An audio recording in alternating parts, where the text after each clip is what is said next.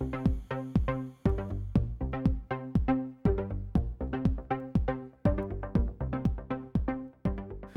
Komiði sæl og velkomin að speiklinum. Mikið fjölmenni var á íbúafundi í Grindavík í dag. Þar var kynnt rýmingar áætlun vegna hugsanlegs eldgós á svæðinu. Ef rýma þar bæin verður fólk láti vita með textaskilabóðum og sírenum.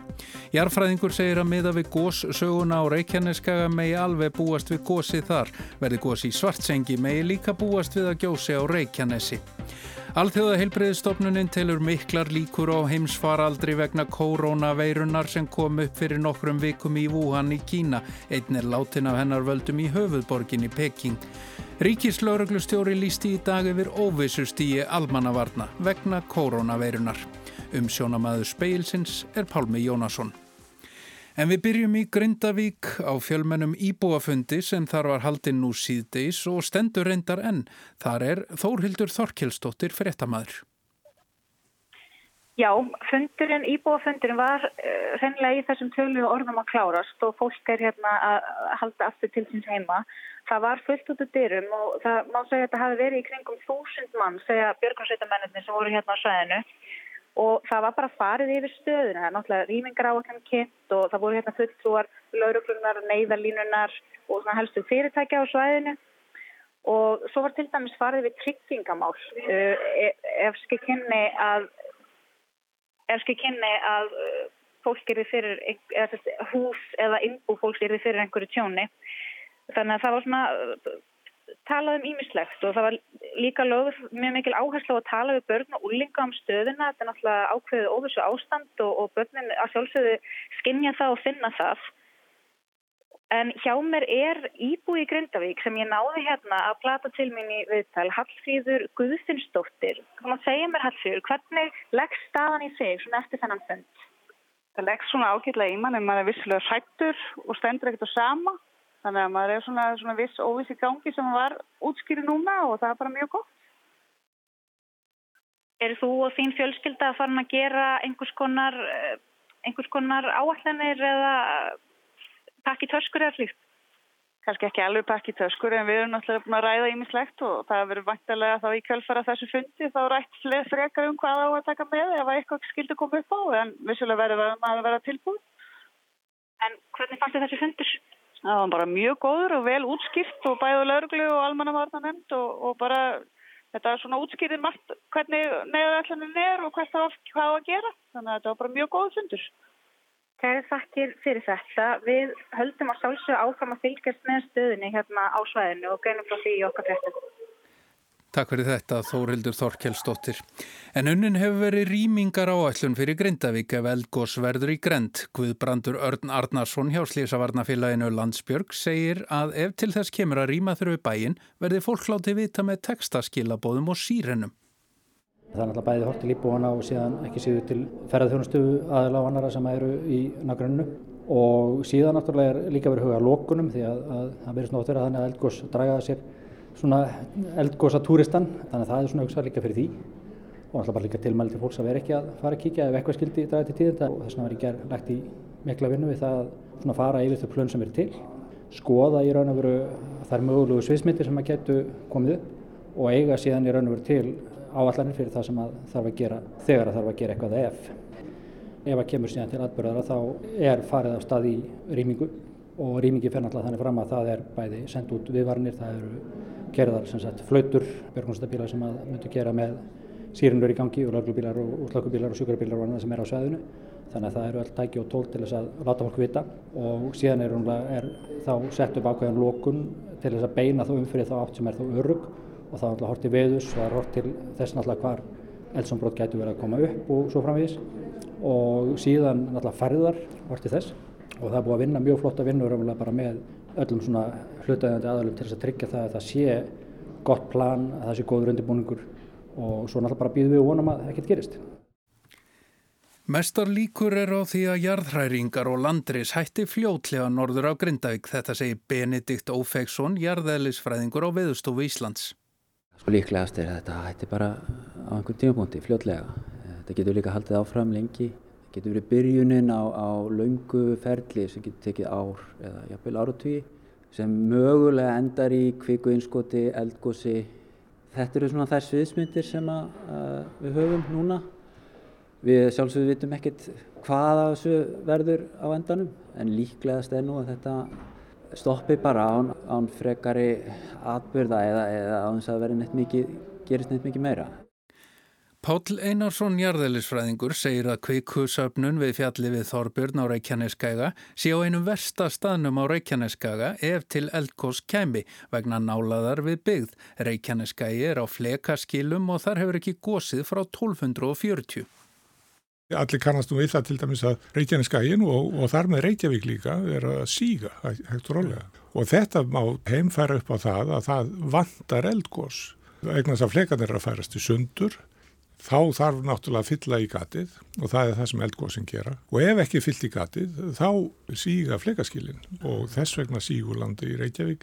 Þess vegna verður við fyrir æveri sjáaflóðum eftir sem tími líður. Og þetta er allt vegna þess að það hefur ekki gósið á skaganum síðan 1240 þannig að það komin tími til þess að bæta í gatið. Það eru raunar sko tvei staðir á landinu þar sem að möguleiki er á því að það gjósi beinlinis í þéttbíli og annar staðurinn er Vestmannegar, það gerðist það sjálfsögðu mm. og hinn staðurinn er Grindavík og þessu megun allir ekki glema. Það gjóðs í beinlinn sinnan bæjamarka. Allir aðri staðir eru vel utan við og, og uh, geta svo sem lent fyrir raunströymum en mm. þannig að það eru vissulega margir staðir sem eru varasamir að þessu leti. Reykjaneskæin í sjálfuðu sér er það ekki og Reykjavík er ekki beint inn á hættusveiði eldgósa en ef að gís á flekaskílónum þá eru náttúrulega byggðalögin í næstan ágrunn í, í hættu mm. og þessi staður þar sem að núna er merkjum kvikusöfnun það er nú sennilega svona einn jafn vesti staður á skaganum til, til þess að hafa gós. Sagði Páll Einarsson í samfélagin á rás 1. Tómas Már Sigursson, forstjóri HS Orku, segir þá óvissu sem skapast hefur vegna þenslu og landris undir fjallinu Þorbirni ekki hafa haft áhrif á starfsemi fyrirtækisins í viðbrags áallunum sé gert ráð fyrir ólíkum sviðsmyndum. Við erum náttúrulega eins og kom fram í fjölmjölum í gerðar og þá erum svona mis, mismunandi sviðsmyndir og við hefum bara greint þessu sviðsmyndir og erum með mismunandi viðbrags áallunar við, við þessum sviðsmyndum og hérna munum bara fylgja þeim ef eitthvað það sem kemur upp og aðlættirinn núna er bara að halda rósinu og vera, vera, vera nánu sambandi við, við komandi yfirvöld. Heilbriðis áhöfn samhæfingastöðar almannavarnar hefur unnið að því að kortleggja viðkvæma þjóðfélagshópa á Reykjaneskaga eftir að óvissustíu var líst yfir vegna landris. Í stöðuskíslu frá almannavarnadeildar Ríkislauruglustjóra kemur fram að unnið síða áætlunum um rýmingu og úræði fyrir fólk á hjúkrunaheimilinu Víðillíð. Einni hefur verið gert yfirlit yfir skjólstaðinga heima hjúkrunar.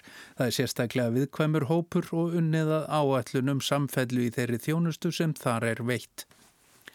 Alþjóða helbreyðistofnunin telur afar miklar líkur á að faraldur brjótist út í Kína vegna koronaveirunar sem orðið hefur yfir 80 að bana í landinu. Stofnunin telur líkurnar miklar á heimsvísu. Helbreyðis yfirvöldi í Peking greindu frá því í dag að einn væri látin þar í borga völdum veirunar.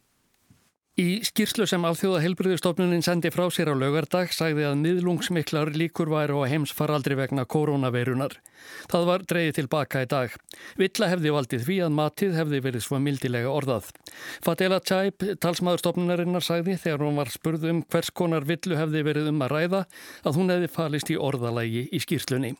Helbriðis yfirvöld í Peking greindu frá því í dag að rúmlega 80 hefði látust af völdum koronaveirunar og hátt á þriðja þúsund væru smittaðir. Þau tilkynntu síð degis að veiran hefði dreigið 50 karlmann í höfuðborginni til dauða. Þetta er fyrsta döðstfallið í Peking af hennar völdum eftir því sem næst verður komist. Madurinn fór í heimsók til borgarinnar Wuhan 8. janúar og viku eftir að hann kom heim aftur fekk hann hýta og lést þegar lungu hans hættuð að starfa. Víða um heim hefur hart verið brúðist við vegna koronaveirunar. Í dag fyrirskipaði heilbriðisráðunitið í Bretlandi öllum sem komu til landsins frá Wuhan síðastliðin halvan mánuð að halda sig inni og forðast samskipti við annað fólk. Verið er að leita uppi 1460 manns sem hafa komið til Bretlands frá Húbei hér aði í Kína að undanförnu. Áskir Tómasson sæði frá. Síðdeis í dag lísti ríkislauruglustjóri í samræði við eh, sóttvarnalækni og ennbætti landlæknis yfir óvissustíi almannavarna vegna koronaveirunar. Óvissustíi er líst þegar grunur vaknar um að yfirvóandi sé atbyrðu sem hefur áhrif á líðhelsu. Í kjálfarið er samstarf stopnana aukið sem á upplýsinga miðlun. Vöktun er eld áhættum að endur skoða svo oft sem þurfað þykir og byrðast aða nöðsynlegra bjarga er könnuð og skráð. Farið er yfir viðbraðs áallanir og fyrir fyrirliggjandi verkferla. Rætt var við Bryndísi Sigurðardóttur smittsjúkdómalækni í síðdeis útvarpinu. Núna undanförnum tíu dögum hafa tilfellininu bara markfaldast daglega en hugmyndinu svo eins og við kannski sáum líki í frettin það talið að hugsalega sé 50 til 100.000 tilfelli í Kína. Þó það séu þannig kringu 3.000 staðfest, það eru 6.000 sem eru svona í vinslu og óstaðfest. Döðsföllin eru komin upp í 80 rúmlega og svo veit ég að þessar tölumunu breytast formlega á morgun.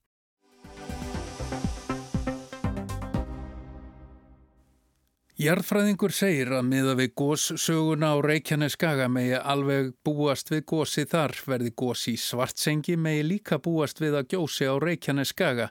Hann segir hins vegar að það sé kannski líklæra að kvikan leiti eftir sprungukerfinu og landris hætti.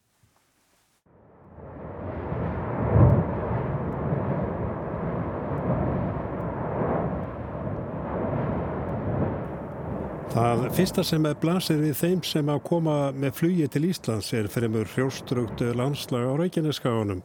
Hann er nánast allur þakin hraunni sem er yfir þúsund ferrkilometrar af skaganum eða um tveir þriðju hlutar hans. Þarna hefur verið mikil eldvirkni á nútíma sem í sögulegu samiki nær frá því að síðasta kuldaskeiði laug fyrir 11.500 árum. Það áþví ekki að koma ávart að það geti byrjað að gjós á Reykjaneskaðanum. Magnús á Sigurgeirsson, jarfræðingur hjá Ísóru, segir að góðsagan sé nokkuð vel þekkt síðustu rúmlega 3000 árin. Á þeim tíma hafa orðið þrjú góðskeið með tæplega 1000 ára millibili. Fyrir 3000 árum, 2000 árum og svo í kringum landnámið. Fjöldi gós sprungna á skaganum er byr vittnum eh, hversu virkur hann er eh, þótt ekki hafi gósi þar síðan á 13. öld. Gós sprungu kerfin er líkja í suðvestur átti við skagan. Reykjanes kerfið Svarsengi, Fagradalsfjall, Krísuvík og Brennisteinsfjöll. Síðasta góskeið hóstum 800 í Brennisteinsfjöllum og reynda líka í Krísuvík næst gauðs á tíundu öld aðla í Brennisteinsfjöllum. Þá raunu Selvangsraun og raunin í Heiðmörk til dæmis. Og síðan færðist virknin vestar á Grísvíkurkerfið og, augmundarraunrann og kapillurraun og eftir það á 13. öld hófust uh, Reykjanes eldar árið 1210 þá góðs fyrst í sjó við Reykjanes. Og samhliða eða samtíma því gaus á landi á stöttir í góðsprungu og það var hann yngra stamparraun. Eftir það gaus sennilega þrísvar í sjó, nokkru öttar og eftir 1226 fór að gjósa á svartsengisreininni eða í svartsengiskerfinu. Þá runnu eldvarparraun, yllarraun og arnasettursraun og það er yngsta raunnið eh, geti á runnið millir 1230 og 40 og eftir það líkur, líkur þessum eldum. Enginni góðskeiðan á Reykjaneskaga virðast vera að þau standa yfir í nokkur hundru ár. Síðasta tímanbili stóði yfir í þrjár aldir. Þetta eru sprungugós eða gós sem eru gerðnakölluð eldar. Þau standa yfirleitt í langan tíma. Magnús segir að líka megi þessu við kröpluelda sem stóði yfir í tíu ár. Rannsóknir er benda til þess að uh, það líði 800 til 1000 ára milli góðskeiðan á Reykjaneskaga. Síðasta góðsi lauguð 1240. Það má því segja að komi sér tími á góðs. Já, miða við söguna, eins og við þekkjum hana, eins og sem höfum lítið annað til að miða við. Þá eru liðinum það byrj 8-900 ár síðan, síðan góðs síðast austan til á skaganum þannig að það má alveg búast við að eitthvað fara að gerast hvað og hverju. Hvers konar gós erum við að tala um? Þetta er ekki sprengi gós, þetta eru kannski fyrst og reynst, já, hraungós. Já, þetta hafa verið hraungós langmestu leiti, sprungugós. E, þá gís yfirleitt á mislöngum sprungum, stuttum og upp í 10-12 km lengt. En e, í Reykjaneskerfinu hafa orðið öskugós í sjó í, í, í þrema síðustu góskiðum. Sprungugósum fylgir ekki öskufall og þau geta verið tilkomið mikil. En það getur vissilega verið hægt á ferðum þegar gísi nálagð við mannabyggðir. Já, það er vissilega hætta eða fyrir að gjósa á hérna sprungu. Nú stæstu svöinin sem er unnu á, á 13. öld eru til dæmis um 20 ferrkilometrar sem er all stort svæði. En þessi sprungugoss virðast nú ekki vera, verða mikið starf en það, kannski 20 til 25 ferrkilometrar eða svo. Það hefur verið líst yfir óvissu ástandi vegna kvikurhefingar sem valda því að landi rýs við fjallið Þorbjörn millir Grindavíkur og Bláalónsins þar sem svarsengisvirkjun er líka. Magnús segir að staðunin sé ekki óvenilegur, hann sé nálagt eldvarpa reyninni, hins vegar hefði mátt búast við að virkninni byrjaði austar. En er að fullir það ef gós hefst að það sé byrjun á nýju góstjöfambili? Nei, við getum ekki fullir það neitt enn sem komið er. Það verður bara að fylgjast með og sjá hvað gerist. En, en það má benda á að uh, Reykjaneskerfið og Svartsengiskerfin hafa alltaf fylgst að. Þannig að ef það fer að gjósa í Svartsengi þá má búast eða fari að gjósa líka á Reykjanesi.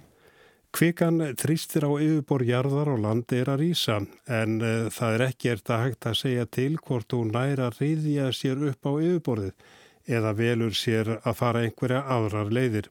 Já, það er uh, alveg, alveg jafnmegla líkur á því og kannski líklar að gera það að hún leiti eftir sprungum norður og jafnvel söður eftir og hérna að, að landrísið stöðvist. En það getur byrjað að gjósa og þess vegna hefur verið líst yfir óvísu ástandi. En hvernig gós er þið það? Já, það má telja nokkuð vist að þetta verði sprungugós. Það er ómöld að segja hversu stórt það verður eða hversu langt sprungurna tegja sig. Það verður bara koma í ljós þegar þetta fer að stað.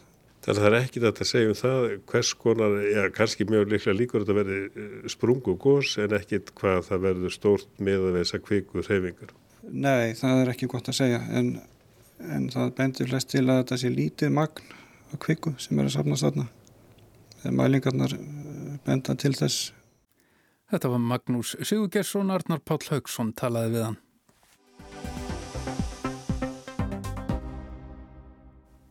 Kínverska fyrirtæki Huawei býður best í að setja upp 5G samskiptakerfið í Breitlandi. Það hefur verið deiluefni um árabeil hversu vitulegt sé að taka tilbóði Huawei því kínverski yfirvöld, sífæltnari kínverskum stórfyrirtækjum, hafa þá hugsanlega áhrifavald sem vart er hægt að ímynda sér.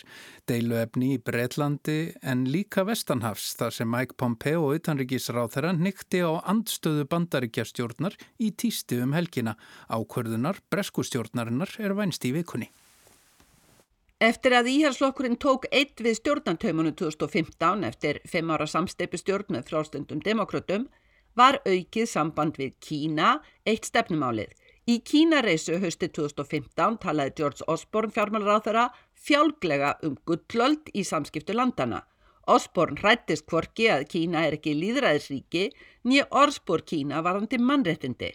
Well, I don't think there's a contradiction between doing more business with China and raising issues like human rights with China. But let's do it as two big nations with great histories and a lot of mutual respect.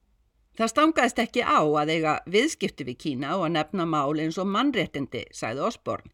En slíkt er þið þá að ræða sem mál milli tveggja mikill að þjóða með stórbrotna sögu og af heilmikilli gagfamri virðingu ekki hægt að sneiða hjá Kína og bara hrópa. Árangurinn af þessu tildragelsi varð ekki mjög sínilegur umfram það að skömmu síðar kom fórseti Kína Xi Jinping í ofinbæra heimsótt til Bretlands með tilherandi pomp og prakt. Það kom annað hljóð í strokkin þegar Theresa May var fórsetsáðra 2016. Hún var ábyrrandi tortrygnar í Garð Kína en Osborne og forverennar David Cameron. Hún fór ekki til Kína fyrir enn 2018 þá til að ebla stöðu breyta utan ESB en aftur ekki áþreifanlegur árangur.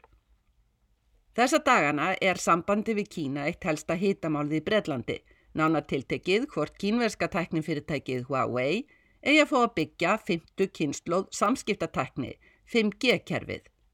Kerfið er ekki bara framför miða við fyrri kerfi eins og 4G var betra en þriðakynnslóðin, heldur er 5G á öðru plani, 100 sinnum hraðvirkara en 4G og mun einfallega umvefja allt snjallvæta þjóðfélagið, hvort sem eru heimilistæki eða heilbreyðskerfið, hröðdeiling og úrvinnsla upplýsinga sífælt miðlagari.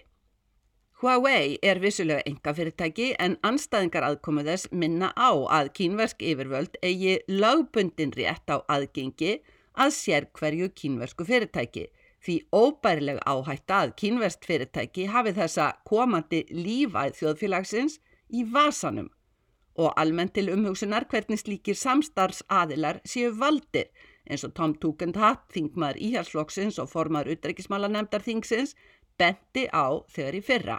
If you are looking to make uh, major investments in technology that is going to underpin your security infrastructure, you would be wise to use companies whose national interests or whose interests of their host governments aligns as closely as possible with your own. Hvað var þar meiri áttar fjárfestingar í tækni sem verður hortsteinn öryggis innviða á landsvísu, saði Tukantat, var í viturlegt að nota fyrirtæki frá eða vistað í landi með sem líkasta ríkistjórn og brettar, það er fylgtisum gildum og svo breska, viðmiðun sem útilokar Huawei. Kínversk og bandarisk tæknifyrirtæki glíma um fóristu í 5G-tækninni. Kínversk fyrirtæki hafa forskot í skjóli ríkisfyrirkreðslu. Einn ástæðan, segja sérfræðingar, fyrir að Huawei býður betur en fyrirtæki eins og Nokia, Ericsson og Samsung sem hafa einnig gert tilbúð í 5G-væðinguna. Bandarísk yfirvöld hafa leint og ljóst unnið að því að telja bresku stjórnina af því að semja við Huawei. Til dæmis varpa því fram hvort bandaríkin geti áframdeilt öryggisupplýsingum með bretum ef kínversk yfirvöld eru þar hugsanlega inn á gabli. Síðastum helgina týsti Mike Pompeo, utarrikisræðra bandaríkjana, um þessa örlaðaríku ákverðun sem Breitland staði framifyrir. Pompeo nýtti á orðum Tugendhats, aðeins þjóðir sem geta varið upplýsingar sínar eru fullvalda. Pompeo er svo að komi heimsókir í vikunni. Orðið fullveldi er eldfimt orð á brexit-tímum og 5G ákvörðunin hefur einnig brexit-tengingar. Brexit-Bretland þarf bandamenn, stjórnin vil korki styggja kynverja nýja bandaríkjaman, þarf að gera viðskiptasamninga við stórveldin 2. Það er orðrómur um að breska stjórnin higgist kannski fara bil begja fela Huawei að gera tilbúð í vélarhlutakerfisins, til dæmis möstur, meðan önnur fyrirtæki fái kjarnan í kerfinu. Það er hugbúnaðin. Tæknifröður gaggrínendur segja þá ákverðin algjörlega merkingarlösa. Í 5G kerfinu, anstætt fyrri kerfum, sé engin slík skipting, hugbúnaður samofinn öllum hlutum kerfisins. Í 5G-væðingunni fléttar saman heimastjórnmálin og hagsmunni, stórvaldapólitík og stóðkerfi upplýsingaþjóðfélagsins. Og þá hvort eigi að treysta á önnur lönd, sama hvaða lönd í slíkum efnum eins og Jeremy Hunt fyrir um utarikisráð þeirra breyta sagði í viðtali í morgun. And I must admit, I always wondered whether it was wise to allow ourselves to become technologically dependent on another country, whichever country, for something as critical as 5G technology. Sagði Jeremy Hunt fyrir um utanrikisráð þeirra breyta, Sigrún Davíðsdóttir tók pistilinn saman.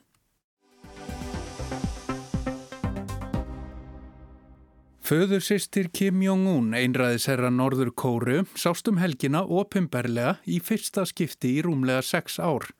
Hún kvarf úr sviðsljósinu í miklum hreinsunum og var jafnvel talið að hún hefði verið tekin af lífi eins og eiginmaður hennar. Hún var áður einn nánasti bandamaður Kim Jong-un og hjálpaði honum að festa sig í sessi sem einvaldur í Norður Kóru.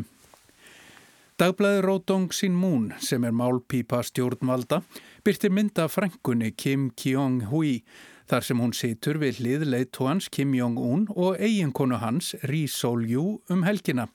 Þrenningin situr á fremsta bekk í aða leikúsi höfuðborgarina Pyongyang í tilefni nýs árs í Norður Kóru. Ríkisfrétta veitan, KCNA, fjallaði sérstaklega um nærveru hennar á þessum tímamótum. Eiginmaður hennar var Yang Song-taek, einn áhrifamesti maður norður kóru um langt ára byll.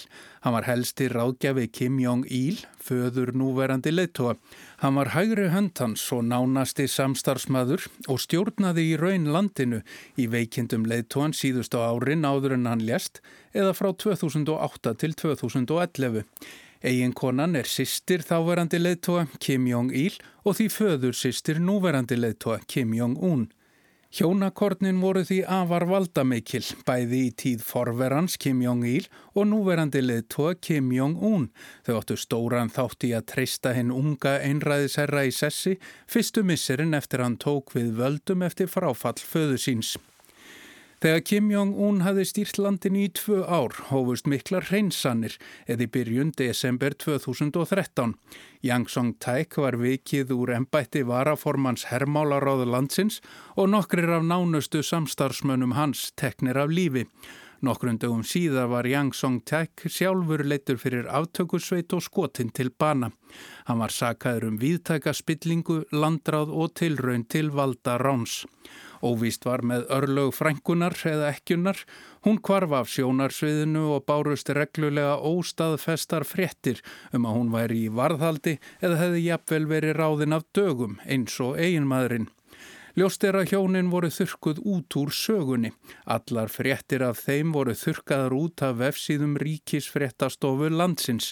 Það sama átti við um þá samstarfsmenn Yang Song-taek sem tekni voru að lífi í reynsununum í lok árs 2013. Fregnir af örlugum móðursisturinnar voru mjög óljósar fyrstu daga og vikur eftir aftöku eiginmannsins. Nokkrum dögum eftir andlátið var hún skipuð í útfara nefnd annars hátsetts herfóringja en nokkrum dögum síðar var hún hvergi sjáanleg við opimbera aðtöfn í tilefni þess að tvö ár voru liðin frá andlát til leðtóans og bróður hennar Kim Jong-il. Frá þeim tíma hefur nafn hennar aldrei verið nefnt í opimberi umræðu í Norður Kóru fyrir ennum helgina. Flestir virtust samfærðir um að hún hefði orðið fórnalamb viða mikill að reynsana sem beindust gegn öllum hugsanlegum keppinautum hins unga Kim Jong-un. Aðrar sögur hermdu að hún hefði látist eftir langvarandi hilsubrest en hún var sögð afar drikkfeld. Sérfræðingar segja það mikil tíðind að henn 73 ára frænka byrti skindilega opimberlega eftir 6 ára fjárveru. Markmiðið sé að sína samheldni fjölskyldunar og styrkja þannig stöðu leðtóans, innanlands og ekki síður útávið. Þar er engum hort til viðræðna Kim Jong-un við Donald Trump um aflettingu viðskiptaþungana í tengslu við kjarnorku af vopnun Norður Kóru. Michael Madden, sérfræðingur í stjórnmálum Norður Kóru við Stimson miðstöðina í Washington, segir við breskablaði Guardian að nærvera hennar um helgina hafi gríðar mikið tákgrænt gildi fyrir leðtóan þótt ólíklegt sé að hún öðlist aftur fyrri völd og virðingu. Þegar áhrifamenn sem fallið hafa í ónáð byrtist aftur opimberlega í einræðisríki eins og Norður Kóru hafi það mikla þýðingu. Hann segir að þetta sé í raun opimberleg stuðningsyfirlýsing hennar við leittóan og síni með áhrifamiklum hætti eindrægni innan fjölskyldunar. Kim Jong-hui var gríðarlega áhrifamikil, fjögura stjórnu hersauðingi og satt í forsætis nefnd landsins. Hún var yngsta dóttir stopnenda Norðurkóru, Kim Il-sung, bróðir artakans Kim Jong-il og föðursistir núverandi leðtúa Kim Jong-un. Í speiklinu var þetta helst. Mikið fjölmenni var á íbúafundi í Grindavík í dag. Þar var kynnti rýmingar áætlun vegna hugsanlegs elgós á svæðinu. Ef rýma þar bæin verður fólk láti vita með textaskilabóðum og sírenum.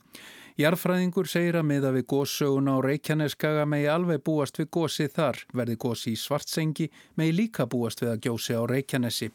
Páll Einarsson, jarðelisfræðingur, segir að kveikusöfnun við fjallið Þorbjörn á Reykjaneskaga sé á einum versta staðnum á Reykjaneskaga ef til eldkostgæmi vegna nálaðar við byggð. Reykjaneskagi er á flekaskilum og þar hefur ekki gósið frá 1240. Alþjóða heilbriðstofnunin tilur mikla líkur og heimsfaraldri vegna koronaveirunar sem kom upp fyrir nokkrum vikum í Wuhan í Kína, einnir látin af hennar völdum í höfuðborginni Peking og ríkislauruglustjóri lísti í dag yfir óvissustíi almannavarna vegna koronaveirunar. Það er ekki fleira í speklinum, tæknimaði var Mark Eldrett, verðið sæl.